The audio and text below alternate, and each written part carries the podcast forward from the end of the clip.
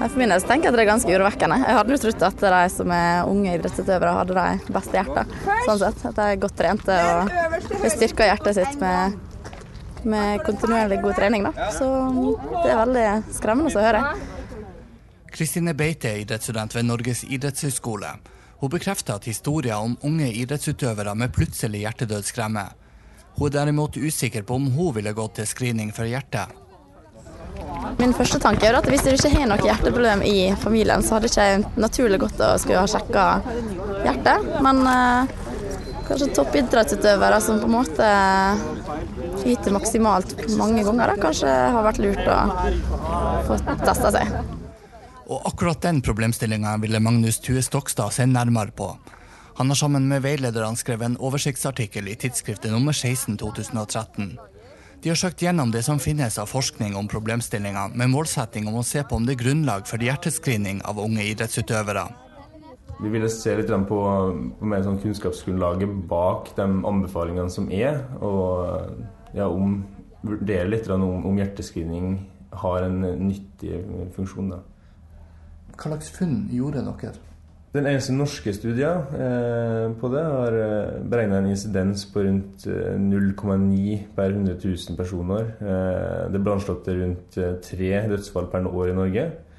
Eh, alle studier som vi fant i vårt søk, det viste at menn dør langt hyppigere enn en kvinner, og at type idrett kan være av betydning. Spesielt å se kanskje roing, sykling og enkelte ballidretter til å ha en høy risiko. da. Kardiomyopatia, eh, koronarsykdom, medfødte koronarkaranомalier og myokarditt er noe av det som nevnes hyppigst da, som årsaker til dødsfall. Når det gjelder selve screeninga, så utføres den av alt fra hjertespesialister til ikke-helsepersonell. Mange bruker et spørreskjema om, eh, om symptomer ved anstrengelse, mens i Europa så er det anbefalt at man bruker EKG i tillegg ved en screening. Eh, men det er ikke alle risikofaktorer som oppdages på, på, EKG, så resultatet kan gi en slags falsk trygghet. Eh, I tillegg så er det mange som får da påvist forandringer på EKG, eh, og må gjennom nye ytterligere undersøkelser før de kan bli anbefalt å, å fortsette med vanlig idrettsutøvelse. og det anslås ca. at 21 må gjennom de ekstra undersøkelsene ved en screening. Og det vil jo selvfølgelig gi en ekstra kostnad med det.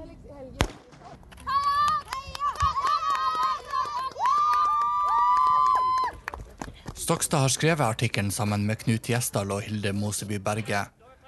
Berge påpeker at kunnskapsgrunnlaget er svakt. De studiene som finnes, har dessuten klare svakheter. De er vanskelig å sammenligne fordi at de bruker forskjellig metode. Eh, og det er bare to av studiene som bruker en sikker nevner når de skal beregne insidens. Disse studiene vet akkurat hvor mange utøvere som deltar aktivt i idrett, mens de andre studiene bare baserer seg f.eks. på antall medlemmer i idrettsforening. I tillegg så inkluderer noen studier alle utøvere som dør uavhengig av om det er relatert til idrett eller ikke.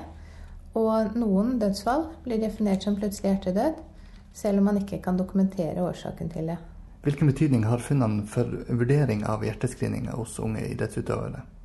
Vi mener at dette er en viktig studie, fordi det dokumenterer at vi fortsatt vet for lite til å anbefale hjertescreening av alle idrettsutøvere i Norge. Vi vil gjerne forebygge plutselig hjertedød om vi kan, men mener at omkostningene fortsatt er for store. Det ser imidlertid ut som om enkelte idrettsutøvere kan være mer utsatt enn andre, så vi tror at hvis det kommer screening i Norge, så bør den differensieres etter kjønn, konkurransenivå og idrettsgren. Inntil vi vet mer, så tror vi at bedre føre-var-prinsippet bør erstattes med ettersnar, og satse på opplæring i hjerte-lungeredning og hjertestartere på flest mulig idrettsarenaer.